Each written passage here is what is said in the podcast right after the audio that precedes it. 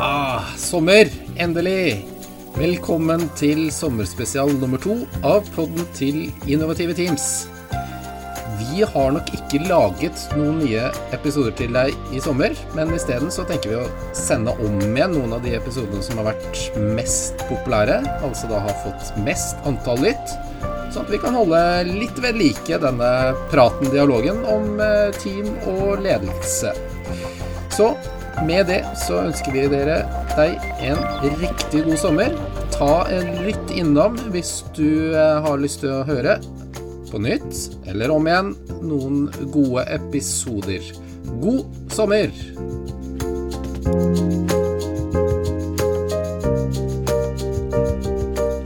Ja, men da har vi fått en eh, kanskje litt annerledes eh, gjest her. Ikke desto mindre veldig spennende, nemlig en eh, økonom. Terje Berg heter han. Han skal få lov til å si litt eh, mer om hvem han er etterpå. Eh, så denne episoden så skal vi bevege oss litt i økonomenes verden. Og det er jo spennende for ledere. For økonomi er jo viktig. Eller det vil si, det skal vi jo diskutere litt av. Hva i økonomi er det som er viktig? Vi skal få så lite innblikk i eh, Trenger ledere noe særlig kunnskap om økonomi, eventuelt hva? Og vi skal diskutere litt eh, digitalisering. Eh, etikk eh, må vi litt innom. Og rett og slett litt sånn spennende prat om økonomi. Terje, skal vi begynne med å si hvem er Terje Berg? Ja, det er et godt spørsmål. Det kan man jo lure på selv også. Jeg jobber da som førsteamanuensis ved NTNU Handelshøyskolen, som jeg har gjort nå i drøyt fem år. Før det så var jeg åtte år ved Handelshøyskolen BI, og så har jeg da 13 år innenfor akademia. Men jeg har da også 13 år før den tid som økonomileder, økonomisjef og finansdirektør i ulike virksomheter. Og mesteparten av tida i et forsikringsselskap, bl.a. Mm. Og ja, så jeg har én fot i teori og en fot i praksis, som jeg gjerne liker å si. Og driver per i dag da og forsker litt innenfor bedriftsøkonomi og økonomistyring. Og skriver litt lærebøker om tematikken. Mm. Så det er nå i korte drag ja, bakgrunn utdanna siviløkonom og en mastergrad i ledelse fra BI og en doktorgrad fra industriell økonomi ved NTNU. Rett og slett. Ja. Veldig bra. Og du var jo litt innom det. Du har jo skrevet flere bøker. Og eh, da kan man jo eh, kjøpe boka og lese den. Eller vi kan jo høre med deg eh, direkte nå. Du har jo skrevet en bok om økonomi for ikke-økonomer. Det stemmer. Det den eh, helt formelle tittelen 'Økonomistyring for ledere og beslutningstakere', men da som er innretta som en økonomi for ikke-økonomer. Ja. Det, Ja. det er riktig. På en slags vis. Ja, det er korrekt. Så, eh, nemlig det første spørsmålet, det, det vi må høre med deg, Terje. Uh, uten Altså hvis vi sier økonomi er viktig, men uh, uten å ta en sånn SIV-utdanning, hva er det Vi kan begynne med ledere, da. Hva er det ledere trenger å vite om økonomi? Det tar jeg sjansen på å kunne sammenfatte i én liten setning, og deretter to stikkord. Og Den lille setningen er at eh, tallene taler aldri for seg selv. Og Ofte hører vi at tallene taler for seg selv, men det vil jeg påstå at nei, det gjør de eh, svært sjelden. Eh, for økonomi det er samfunnsvitenskap og ikke naturvitenskap. Alle tall man beregner, det ligger det noen forutsetninger, antagelser eh, og en bestemt kontekst eh, som de eh, kommer frem i. Og dermed så må man da så man må trenge bak tallene. Så et tall fremstår veldig objektivt og ærlig og nøkternt. Har du kommet frem til en et sånt, for å bruke et begrep, da, en lønnsomhet på 10 så må det jo være 10% Men uh, sånn er det ikke. Altså, det, kan, det kommer an på da hva er det som Hvilken bedrift er det vi ser på, eller hvor er man hen, og hva, hvor, hvor har man henta tallene fra, osv. Og, så, så, det er det viktigste. Også at tallene taler aldri for seg selv. At man skal ikke ta dem for uh, umiddelbart for god fisk. Det innebærer ikke også at uh, det ligger til grunn en automatisk at man skal være skeptisk, at det her er noen som har triksa og lurt med tallene, selv om det dessverre forekommer jo uh, altfor ofte sånn sett, det også. Men, men, det er mer å være klar over hva er, hva er fundamentet for denne beregningene. Og så er det veldig konkret. Eh, det alle ledere må forholde seg til, det er jo det offisielle regnskapet. Det er man lovpålagt å avlegge. Og Der er det ett stikkord, og det heter periodisering. Og Det er et viktig greie, for det handler om at eh, en inntekt som det står i et regnskap, eller en kostnad, det er ikke det samme som penger inn og ut av bankkontoen. Fordi periodisering det handler om eh, når man da har eh, Når har man fått et eh, gjort seg så å si fortjent til en inntekt, altså det vi kaller for et vederlag for et utført arbeid. Altså, når, når har man gjort jobben? Og Det kan høres trivielt ut, men det at det kommer penger inn, er ikke det samme som at jobben er utført. Det kan være at vi, vi, vi får en faktura som uh, skal betales om en måned, eller vi sender en faktura som skal betales om to måneder, eller omvendt. Så, så Da er det at det ikke er fullt samsvar mellom det som står i resultatet, og det som er penger på bankkonto. Det er kjempeviktig. Ja. Og det andre over i For det her er da regnskapet, også det offisielle, som man med rette i mange tilfeller bruker som et viktig styringsverktøy, og det kan også være med urette. Men som en eh, økonom, da, og vi tenker da som bedriftsøkonom, vi tar utgangspunkt i, i bedriften, og ikke samfunnsøkonomien, selv om man, det begrepet skal inn på, bruker man veldig veldig mye der også. Men vi, vi tenker på private bedrifter ja, i all hovedsak. Det. det er litt, sånn, mm. eh, litt vår kontekst og denne avgrensingen vi må gjøre også. Og det er begrepet alternativ kostnad. Og det er det som er egentlig hele fundamentet for økonomifaget også. Og det handler om at eh, hva er verdien på knappe ressurser? For vi har knapphet på ressurser, og så setter vi en, så å si, en prislapp på de ressursene. Og det er viktig at eh, Og det også kan jo sånn i første, så, sånn intuitivt så, så gir det mening at eh, det er lite som er, er gratis. Eh, men hvis man bruker disse regnskapstallene f.eks., så vil ikke de alltid si oss hva reelt sett ressurser koster. Tenk på en uh, gründerbedrift hvor uh, ja, leder eller altså de som har starta opp der, uh, kanskje tar ut litt begrensa lønn for å komme i gang. Kanskje man bruker noe, ja, så å si noen lokaler i garasjen, eller tar med seg sin e-, egen PC inn i virksomheten så er jo det fornuftig for å komme i gang. Men eh, regnskapstallene, de offisielle regnskapstallene altså dem da vil jo vise at man har tatt ut f.eks. 200 000 i lønn, når man egentlig burde ha tatt ut si 400 eller 500 000, eller hva nå tallet måtte være. Og da vil ikke regnskapet vise den reelle ressursbruken.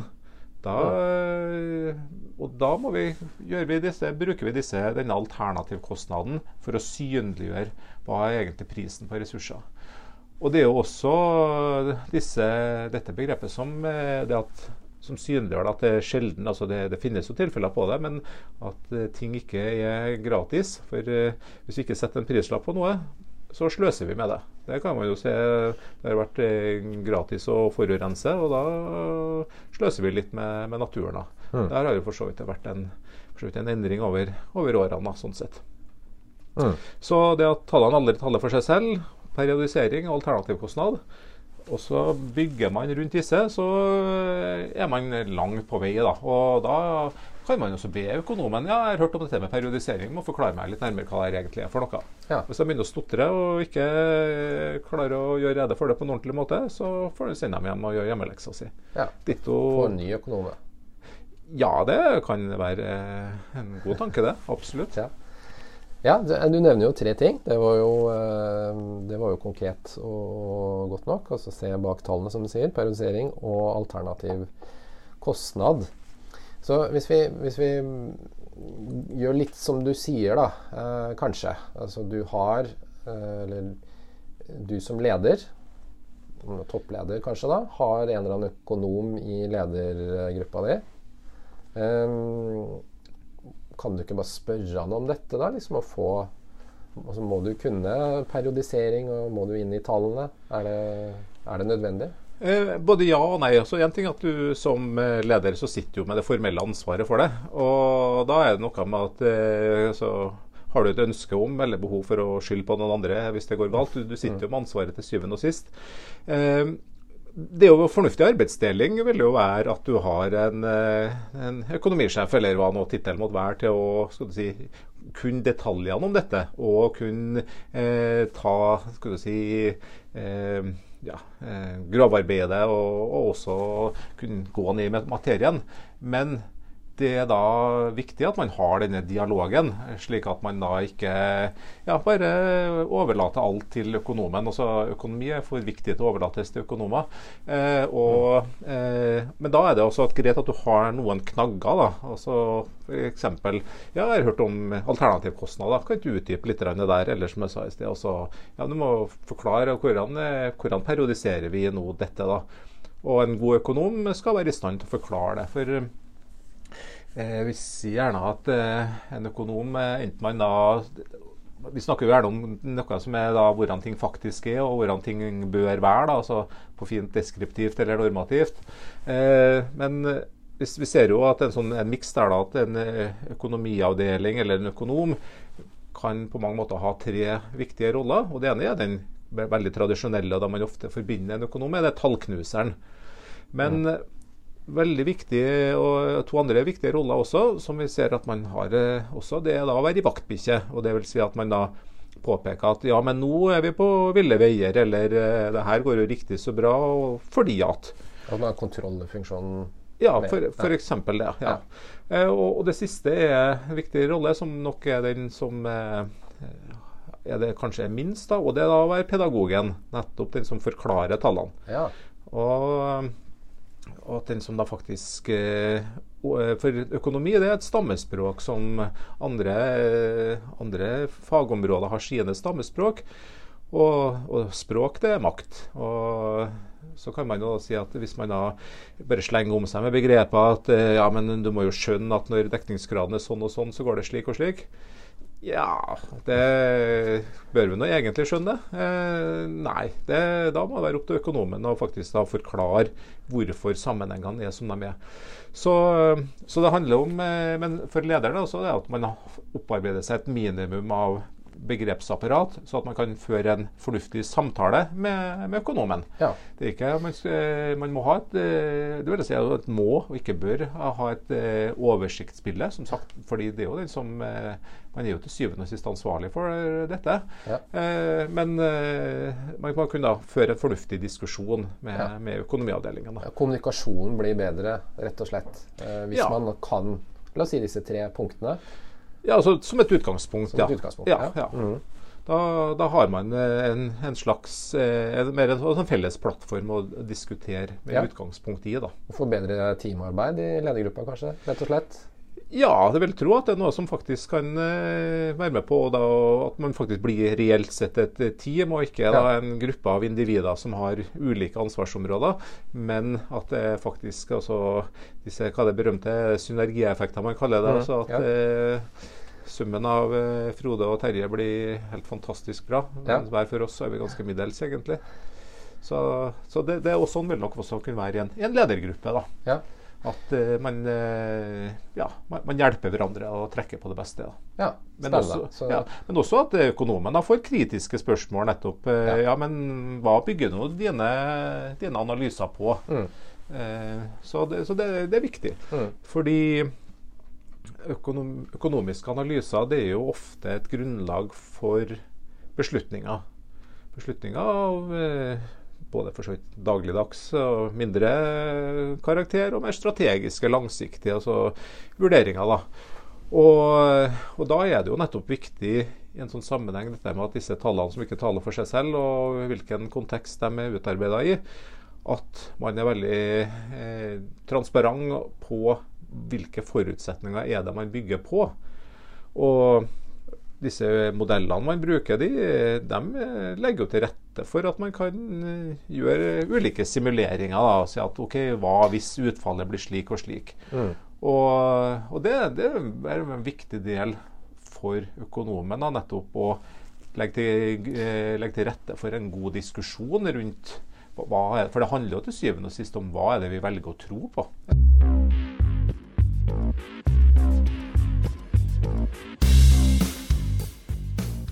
Ja, for det, det, det, er jo litt spennende og kanskje ja, jeg vil ikke si overraskende, da, men, men, eh, det du begynte med, var jo det å se bak tallene. Og vi har snakka litt om dette før. og et ord som tillit dukker jo opp. Og vi tenker jo fort at tallene er det de er, men det er det jo ikke.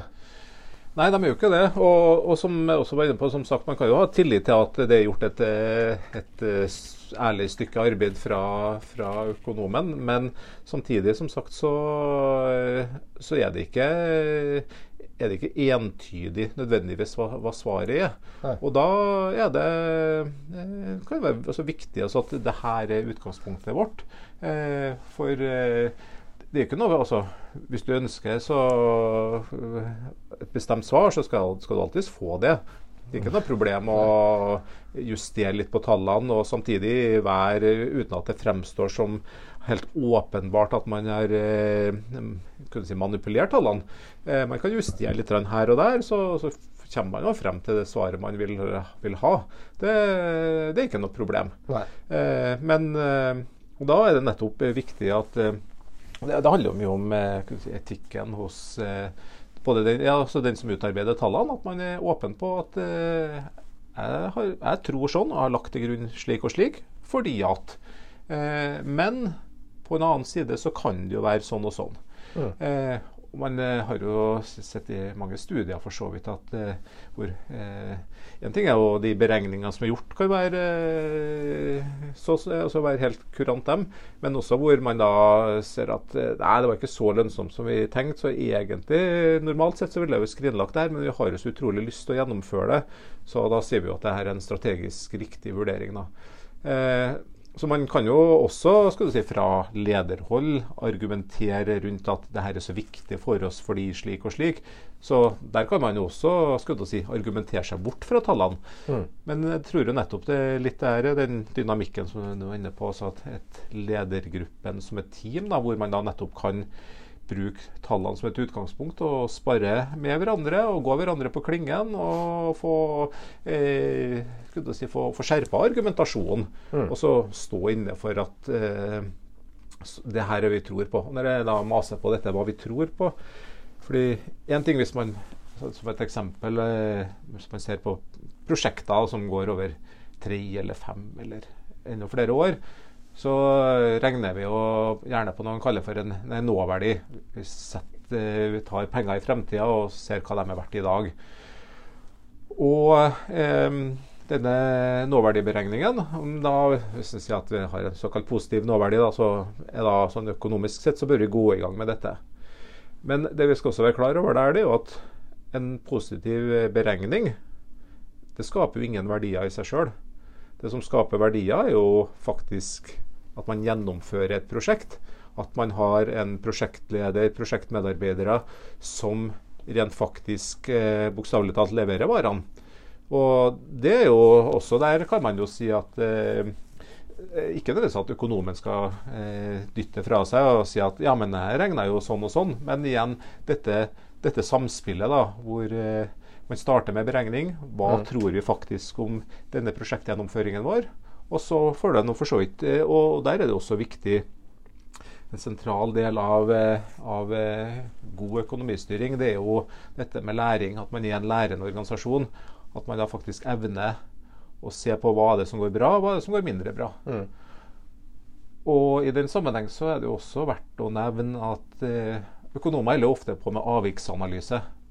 Og avvik er jo gjerne noe man for mange så tenker man avvik er noe som er negativt. Men avvik er som sådan nøytralt. Det kan jo være et positivt avvik og et negativt avvik.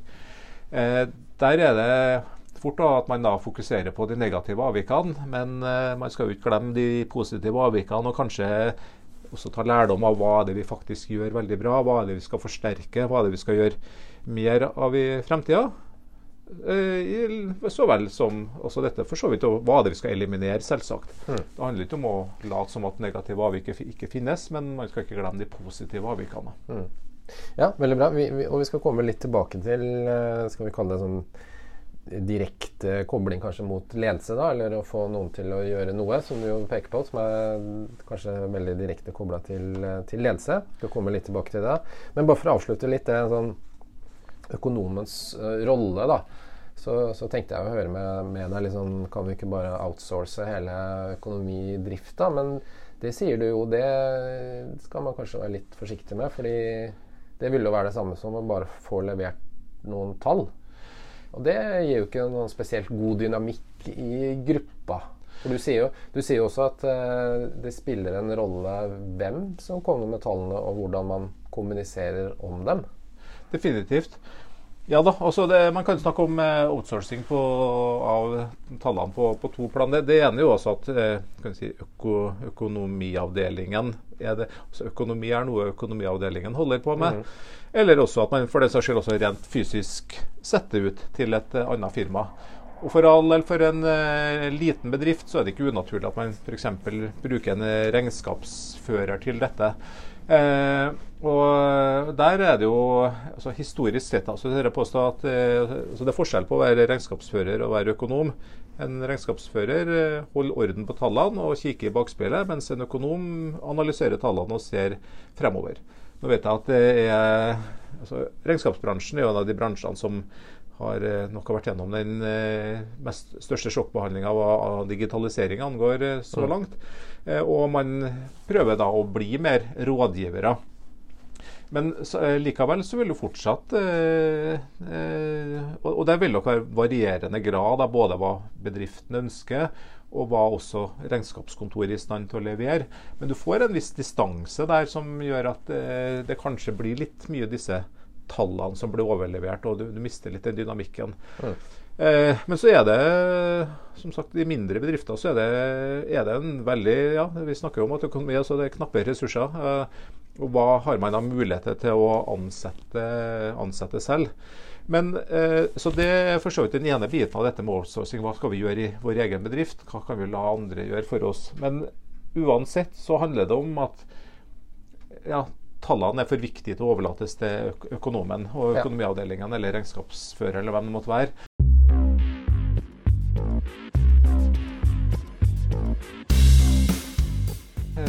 For det er en ting knytta til dette. hva er egentlig økonomistyring er på mange måter. Som eh, handler på mye om å forvalte de knappe med ressursene man har for å nå sine mål. Og det kan, mål, det kan være økonomiske og ikke-økonomiske mål. Men eh, jeg vil også si at eh, den kanskje viktigste økonomistyringen, det utøver man gjennom ledelse og organisering av virksomheten. Ja. Eh, fordi ledelse eksempelvis, da, jeg vet at det kan man jo snakke om i mange dager, det. Men mm. Eh, et, jeg, tror, altså, jeg tror ikke jeg gjør så veldig mye feil hvis jeg sier at en, en viktig stikkord innenfor ledelse er jo motivasjon. Mm. Å motivere til måloppnåelse. Mm. Eh, og ved å utøve god ledelse og nettopp å motivere medarbeiderne til at man, eh, eh, til at man er på en gitt kurs. Eh, og at man da organiserer virksomheten sin på en fornuftig måte, har gode prosesser osv. Det ligger det veldig mye god økonomistyring i, som ikke handler om tall. Mm. Eh, slik at eh, du har eh, den biten av eh, si, økonomistyringen. Det kan man definitivt ikke outsource. Og det er kanskje den viktigste. Eh, denne tallknusinga den kan man til en eh, viss grad, eller langt på vei, eh, sette bort til et, enten er internt eller eksternt. Mm. Men den også skal man eh, få utnytta disse tallene på en god måte. Så, så må det være en, et samspill med si, leder da, som ledelse og økonomen. Da. Mm. Ja, for du, du, var jo og spilte det jo litt opp i stad at uh, tallene i seg selv er jo bare tall. En nåverdi er bare en, en nåverdi. Det er gjennomføringa som, som, gir resultater. Eh, tenker du at eh, snur litt på det da, kanskje. Tenker du at tallene kan gi føringer for ledelse? Ja, det kan de nok gjøre. Altså, eh, sånn veldig ikke forenkla, men det som er særdeles sentralt for veldig mange. Så det handler jo om likviditet, altså penger i banken. Mm. Eh, har du ikke penger i banken, så, så legger jo det store føringer. Ja. Eh, da, da, det gir veldig veldig store føringer på hvilken handlefrihet man har. Og, eh, og der, da er det jo veldig viktig dette med altså likviditetsstyring. En, eh, det er kanskje det, i tillegg til eh, for så vidt, det, jeg sa dette å forstå hva periodisering og alternativkostnad er. Så hvis det er én ting vil påstå at alle, absolutt alle bedrifter må ha stålkontroll på, så er det likviditeten. Mm. For eh, ja, er det tomt eh, på kontoen, så er det ikke artig lenger. Da kan du ha så mye gode ideer og planer og eh, intensjoner som du bare vil, men er det tomt, så er kassa tom, så er det kroken på døra. Ja. Eh, så, så, det vil jo definitivt Den delen av si, tallene vil jo legge til dels store føringer. Og da handler det om at man da har eh, noen systemer da, for å kunne en ting er å si, å logge seg på i nettbanken og si at i, i dag er det så og så mye, men det handler også om å eh, gi altså en indikasjon på hvordan er status på bankkontoen om én måned eller to måneder eller tre måneder. Mm. Og da være i, i, det, i forkant f.eks. For i dialog med banken eller eierne for å fylle på med mer penger. Eller hvis du er i en heldig situasjon at du har for mye penger, og så send pengene tilbake igjen. Du, du, nevnte jo eh, transparent i, i sted. Ja. Eh, hvor mange tenker du i organisasjonen skal vite det vi snakker om nå? Er det helst lederen som skal vite det, eller er det hvor gjennomsiktig skal sånne ting være? Eh, nei, det kan godt være veldig gjennomsiktig. For eh, hvis det Altså, jeg blir heller eh, jeg heller blitt litt sånn skeptisk da, hvis det, man holder tallene eh, tett til brystet. Eh, for da er det altså eh, Hva er det som foregår? Er vi enten på vei mot stupet, eller er det noen da som skulle si, så å si beriker seg på, på, på min bekostning? Eh, så jeg eh, husker en tidligere kollega en plass han hadde jobba der, eksempelvis altså Lønn er jo noe av det mest tabubelagte som vi har eh, her i landet. Men den var en privat virksomhet. Der tok de og slo opp eh, lønna til alle medarbeiderne på oppslagstavla etter lønnsoppgjøret. Ja. Alle visste alle tjente. Og det funka helt utmerket. Sikkert litt sånn murring der og da at eh, Frode tjente jo altfor mye, men eh, men så skjønte man jo ja, ok, var, kanskje, det var kanskje en grunn til det likevel, eksempelvis. Så, nei, så, og det, det er sånn som jeg anbefaler eh, de studentene også, at eh, disse 19-20-åringene når vi begynner å snakke litt om regnskap, eksempelvis, at, eh, og mange av disse har jo en jobb ved siden av studiene. At Skal man på et jobbintervju eller i dialog om en jobb, så spør man om å få se regnskapet. Og spør om også, for den saks skyld veldig konkret, har man egen skattetrekkskonto. For hvis man begynner å bli litt flakkende i blikket da, så ville jeg faktisk vurdert om kanskje jeg skulle vurdert å jobbe en annen plass. For det, det er nok, et, eh, nok, mer et eh, faresignal sånn, eh, hvor bedriften er på vei. Da, den manglende transparensen. Mm. Og for all del, eh, du har jo noe altså Hvor mye skal man skal si, offentliggjøre? Her, her ligger det, litt, det ligger som en litt Her er det igjen da hvilken forutsetning jeg bygger på her. da, At denne transparensen vi snakker om, den for så vidt internt i bedriften. For det er jo en del ting Det er jo ikke noe om å gjøre å dele med konkurrentene, f.eks. Så, så det, det ligger, tar som et utgangspunkt at her snakker vi da internt. Men eh, så er det selvsagt en sånn avveining hvor, hvor mye informasjon skal man dele, og så at eh, man får en sånn eh, informasjonsoverflo da, som gjør at eh, man begynner å henge seg opp i ting som man strengt tatt ikke trenger å være bekymra for, eller ikke trenger å bruke det søte lille hodet sitt på. Mm. Men, eh, men, som et utgangspunkt så tror jeg transparens bare er, positivt. Mm. Ja, for vi, vi, snakker jo litt i poden om uh, endring eller utvikling, eller uh, ja, hva man nå skal, skal si. da, og um, uh, ja, navn som Cotter og Sense of Urgency har vi jo sett på fra litt forskjellige vinkler. Og går det an å tenke at denne sense of urgency kanskje ikke må framstå som et sjokk? Så, så, det vi sier nå, eller det du foreslår, er kanskje at de rødtallene ikke bør komme slående som en bombe, men at man kanskje har en liten peil på hvor utviklinga går? Ja, absolutt. Og det handler også om at eh, hvis man da har utvikla en organisasjonskultur og driver ledelse slik at man ønsker å jobbe i samme retning, så er det jo bare bra å se disse eh, si, små røde flaggene, ja. hvor man da brette opp eh, ikke armene, men ermene og si at OK, ja, men dette skal vi jammen få til.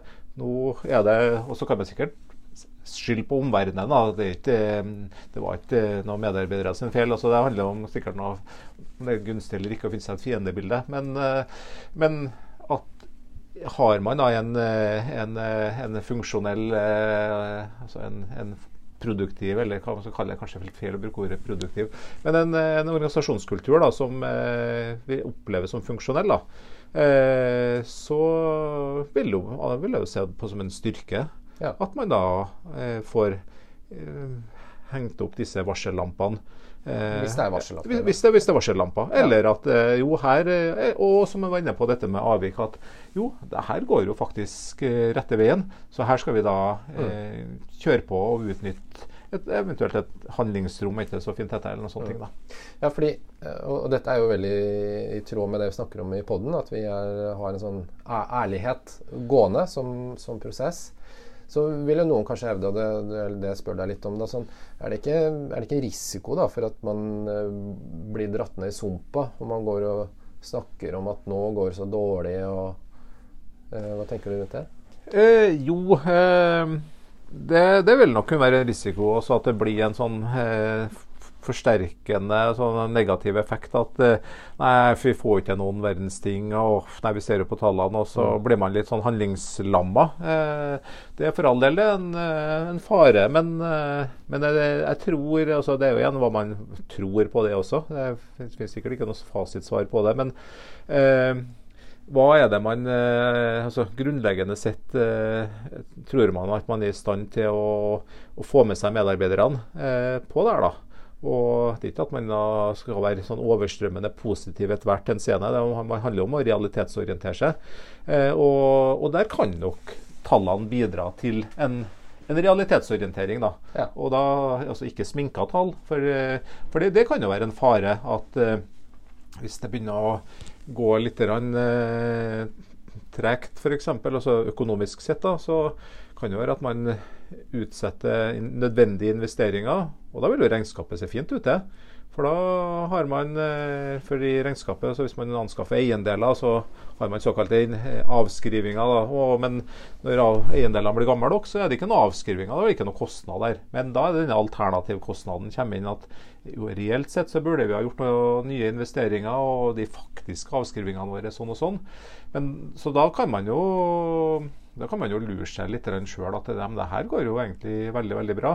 Eh, men eh, det handler nok om å, være en realitetsorientering, altså at tallene bidrar til det. da. Mm. Og Da er det igjen denne kombinasjonen av hva sier regnskapet, og hva denne, det vi kaller for de reelle bedriftsøkonomiske eh, tallene. Mm. Og der i bunn og grunn, da, vi, vi, var litt innom det i stad, så har jo økonomen har jo et, på en måte et etisk ansvar i seg selv. Uh, I forhold til de andre så kunne vi jo snakke om også der litt uh, tillit. Og da er det den ja. tilliten til den personen kanskje mye, da. Ja, det vil det være. Også at man har tillit til at man gjør en, en, ordentlig Altså at man kan faget sitt. Det er jo én ja. ting. Men for det er jo nettopp det at kan du faget ditt godt, så var det som var litt inne på da, ja, hvilke tall vil du ha? Uh, ja. da, for da klarer jeg å justere litt sånne ting. og så ser jo ting veldig bra ut. Så, så, det bygger jo på tillit, men da er det også denne transparensen som eh, eh, også er, da, er viktig for å eh, vedlikeholde og opprettholde en, en, en, vedvarende tillit til de analysene som økonomen gjør, og at det da er noe som man har nytte av i, i, i ledelsen. Mm. For eh, også litt satt på spissen, altså økonomiske analyser da, har jo egentlig ingen egenverdi i seg sjøl. Det er jo artig å lage analyser og tall, og sånne ting, men, men det må jo omsettes da, til en beslutning og omsettes til handling. Eh, men man ser jo også for så vidt eh, noe forskning på det. Da, at eh, brukt riktig og med de si, rette folkene og de rette verktøyene da, som man bruker, så kan god økonomistyring i, i seg sjøl bidra til å gi en bedrift eh, konkurransefortrinn altså utover de, faktisk, de produktene og varene og tjenestene man leverer. Og så kan også økonomiske analyser faktisk bidra til konkurransefortrinn.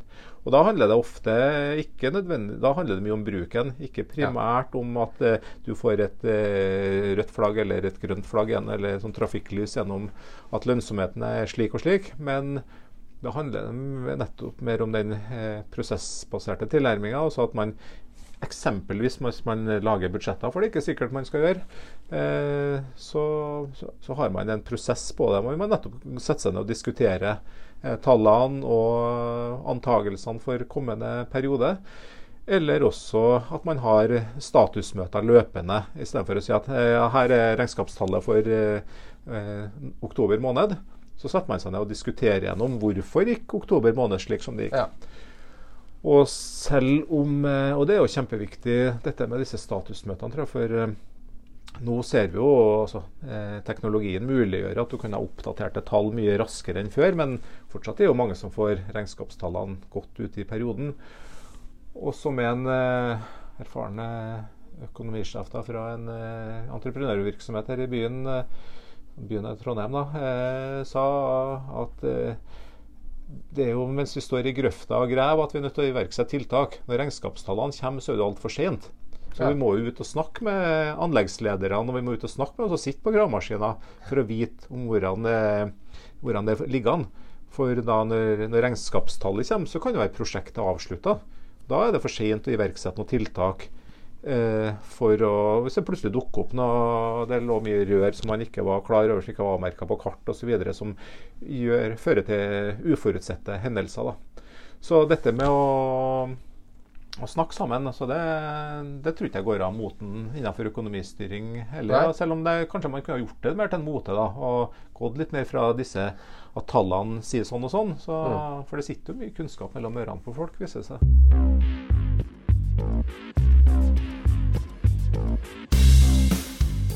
Det er jo spennende, fordi det, det, du egentlig sier også, er at tallene ikke bør komme som en overraskelse.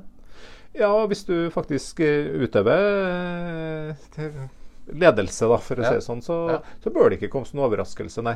Hvis du da uh, har vært ute i grøfta og sett at oi, her har det, var det rør tilbake til 1800-tallet, så skulle ikke komme som noen overraskelse at oi, det ble et minustall den måneden her, ja. Mm. Eller på dette konkrete prosjektet, eller hva det måtte være. da.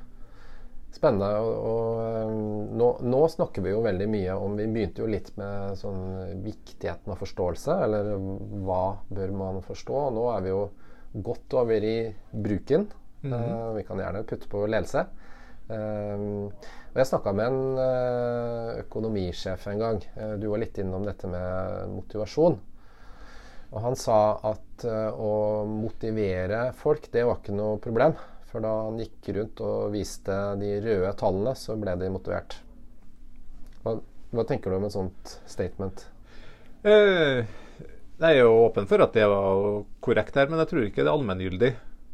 Det, det, tror jeg nok ikke. Eh, det, er, det, er, vel også mye forskning som viser at vi blir ikke nødvendigvis motivert av tall. Da. Det er ikke sånn at det, man spretter opp av senga at yes, i dag skal jeg gå på jobb for å sikre at vi får en eh, egenkapitalrentabilitet på 15% ja. eh, Du blir heller, motivert av det? Nei, nei, nei faktisk nei. ikke. Også. Det må bare innrømme det. Men eh, det er klart det er artig med penger på bok. Men, eh, men det, det, man blir gjerne det, det er nok kanskje an, jevnt over så viser det seg nok at det er andre ting. da. Eh, det er f.eks. Altså at ja, jeg skal gå på jobb for at jeg skal motivere mine medarbeidere til å ha det OK.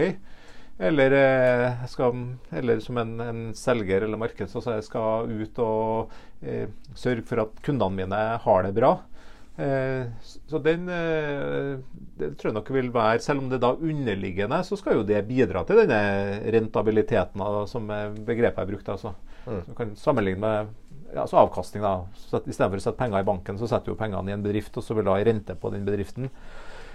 Så men eh, jeg tror nok eh, Det kan godt være at det er en, en utbredt oppfatning blant økonomer at eh, vi blir motivert av tall. Men, men, jeg tror ikke det er riktig alltid at man generelt blir det. Det kan godt være at noen og i noen bransjer så er det nok vel utvilsomt at eh, man, motiveres av prestasjon og en, mm. en økonomisk prestasjon. Man eh, har jo enkelte bransjer som du har vært innom og snakka med i denne poden tidligere også, hvor altså innen finansbransjen eksempelvis, mm. så er det nok eh, en, en, del som motiveres av det pekuniære, da, altså det mm. og monetære. Men, eh, og det er jo ikke noe galt i det, men eh, det er nok ikke nødvendigvis allmenngyldig, det, da. Det er jo også en del forskning på, på motivasjon som viser at eh, for mye prestasjonsmåling og mangel på tillit, da, altså at det, det, kan faktisk føre til at man blir mindre motivert. da. Eh, man mister den indre motivasjonen, vil man si. Mm. Selv om der også er vel bildet ikke nødvendigvis helt svart-hvitt, da. Men uh, det, det er, man skal ikke ha denne uforbeholdne troen på at uh, økonomiske størrelser er det som uh, gjør at man bare spretter opp. Og nå skal det forskes, eller nå skal det selges, eller nå skal det tegnes, eller hva det må greves, eller hva man ennå holder på. da. Og nå snakker du til økonomene, hører jeg. Fordi vi andre tenker vel at spørsmålet er litt rart uansett? Ja, det tror jeg nok du ja. dessverre har rett i. at Ja, hvorfor stille en spørsmål her? Det må jo, alle må jo skjønne det. Men, men, jeg tror nok eh, det er primært et budskap til at økonomer ja. må være klar over at eh, ja, altså man skal, man skal fortsatt eh, skyte frem brystkassa og ha tro på tallene sine. Det skal mm. man definitivt ha. Men tall, kanskje ikke tall som redder verden Kanskje med unntak av dette eh, temperaturmålet da, på ja. 1,5 grader, muligens. Du, Uh, mens vi har deg her, et litt sånn fiffig, syns jeg, da, som ikke-økonom, spørsmål om økonomi. Eh, hva er viktigst å ha kontroll på? Inntekter eller kostnader? Ja, eh, godt spørsmål. Eh, det er veldig, kan, tilbøyelig til å starte med ja takk, begge deler. Men eh, det er jo inntektene, eh, inntektene vi lever av. Så vi må ha en, en, en formening om inntektene våre. Og der, der, er det jo veldig store forskjeller på, på bransjer. En dagligvareforretning vet at de får innslag på kassa hver eneste dag. Mens et konsulentfirma kanskje har oppdrag to måneder frem i tid, eh, og vet ikke hva som skjer deretter. Eh, og så er det jo fordi inntektene de er jo noe som skjer utenfor bedriften. Og da er det kanskje vanskelig, eller det vil være vanskeligere å ha si, kontroll på dem. Eh, men man må jo ha en formening om hva er det som eh, underliggende sett driver inntektene. Hva er det som ved, vår virksomhet som gjør at faktisk noen er villig til å legge igjen penger hos oss? En eh, kjøpsatferd, eller sånn, det er markedsføringsfag og kjøpspsykologi og kjøpsatferd og sånne ting kommer inn. Eh, så, så, det må vi ha. Vi må ha en formening om det, og særlig da, der det er da uforutsigbart. Eh, og så har du jo kostnader. Det er jo noe som er litt sånn noe negativt. Noe for, i hvert fall for mange økonomer. Liksom, kostnader det er fy-fy. Mm. Og man, har jo, man snakker jo ofte om kostnadskutt. Innenfor offentlig sektor har det jo vært i flere år en såkalt sånn ABE-reform. Sånn avbyråkratiserings reform. Man skal kutte kostnadene Jeg er ikke helt sikker på prosenten, om det er 5 eller 10% eller noen sånne ting. Eh, innenfor universitetene f.eks. Eh, og kostnadskutt det er en annen kostnadskontroll. Kostnadskutt er denne blinde øksinga, mens kostnadskontroll det handler om å ha de rette kostnadene. For det man ikke skal glemme, uten kostnader så har man heller ingen inntekter. Det er kostnadene som skaper ja. inntektene. Fordi kostnader det er lønn, og det er husleie, og det er markedsføring, og det er bredbånd, og det er eh, maskiner og utstyr som man trenger. Og Har man ikke det, så setter man kostnadene til null, så høres det jo besnærende ut, det. Men hva er det da som skal skape inntekter? Så kostnadene er, det, det er de ressursene som faktisk skaper inntektene. Men som sagt, det er jo viktig at man har de rette kostnadene. Eh, og at da inntektene er litt større enn eh, kostnadene, det må det være. For ellers så tjener man ikke penger. Og det er jo fundament og prinsipp for en privat virksomhet. Og for det kan jo være at altså disse blinde kostnadskuttene, da, det er 10% over hele fjøla, det kan jo være eh, totalt meningsløst. Stort sett så er det faktisk det òg. For det kan jo være at du skal kutte med 30% i administrasjonen, eller faktisk 40% Mens i hvis vi kaller det produksjoner, så kanskje man skal øke med 50 Ja. Så det handler om de riktige kostnadene. Mm. Og bare skyte inn også, Ja. når jeg først er på tråden her, eh, benytter sjansen. Eh, jeg har brukt begrepet kontroll og, og styring her. For det bruker man gjerne litt sånn, sånn synonymer for vanlige mennesker, i hvert fall. Mm. Men eh, vi økonomer er jo ikke vanlige mennesker. Og rent språklig så betyr ordet styring det betyr jo i retning til. Mens ordet kontroll det betyr å ha herredømme over. Og det å ha økonomisk kontroll det er nok en illusjon at man har herredømme over økonomien. Altså på kort sikt, da, fra, dag til dag. Altså, jeg vet hvor mye penger jeg har i banken i dag. Det vet jeg. Eh, men, eh, jo, jeg kan, men hvor mye jeg skal ha på bankkontoen om eh, utløpet av året, det har jeg jo ikke full kontroll over. Det kan jo plutselig være at biler bryter sammen, eller huset eh, Ja, oppvaskmaskiner ryker, eller noen sånne ting. Så, du kan jo da, så da handler det om nettopp at du har de analysene som kan gi retning til og prøve å tilskynde en viss eh, utviklingsbane. Mm. Så, så, det er også viktig, at, eh, for det henger litt sammen med disse tallene som ikke taler for seg selv. At vi kan ikke si at vi har kontroll, men vi, prøver, vi etterstreber styring.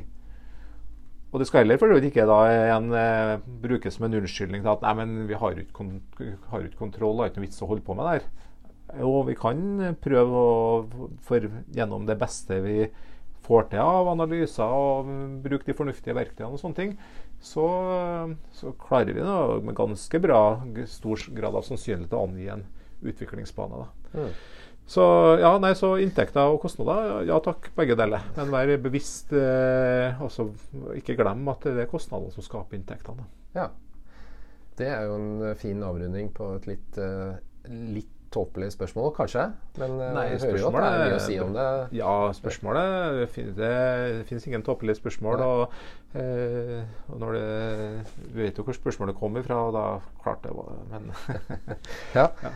Takk skal du ha. Det var kollegialt sagt. Eh, men jeg tar den. Jeg tok regnskap to ganger i sin tid og fikk 4-0 begge ganger. Så det sier hvor jeg ligger i økonomilandskapet. Men uh, Terje, veldig spennende prat. Vi skal begynne å, å, runde av litt. Jeg hadde et spørsmål på blokka som jeg, det tror jeg ikke jeg gidder å spørre om engang. Og det var dette med digitalisering. Og om vi da kunne digitalisere bort denne økonomisjefen. Men jeg tenker jo alt det vi har prata om, sier jo hvorfor du ikke kan det. Fordi eh, vi har jo snakka om eh, økonomisjefen som pedagog. Og nå sier jeg økonomisjefen, da. At han bruker han eller hun eller hen. Uh, vi har snakka om tillit. Uh, vi har snakka om ærlighet. Uh, og vi har snakka om aktiv bruk, eller også da ledelse. Vi har snakka om teamfunksjonen. Så det er veldig mye sånn, skal vi kalle det, ja, team- og ledelsefunksjoner som skjer oppå disse tallene. da. Definitivt. For du har kan gi noen eksempler på altså det å ha en hva de kaller det, code of conduct, f.eks. Altså, hva er det som er de etiske standarder for en virksomhet? Det er god økonomistyring i. Og ditto også at man setter grenser for hva det er man tillater eller ikke. Eh, kan man anbefale. Og, så er det dette med eh, det handler også om fortolkning av tall. og skal, Hvis økonomen skal forholde seg relevant, så må han være i stand til å fortolke tallene. Så der har jo økonomen også igjen en, en viktig, og også utdanningen, at vi setter våre studenter i stand til å fortolke tall. Mm. Eh, det er det som vil skille mellom informatikeren og økonomen. Eh, at man har denne evnen til å fortolke hva tallene betyr.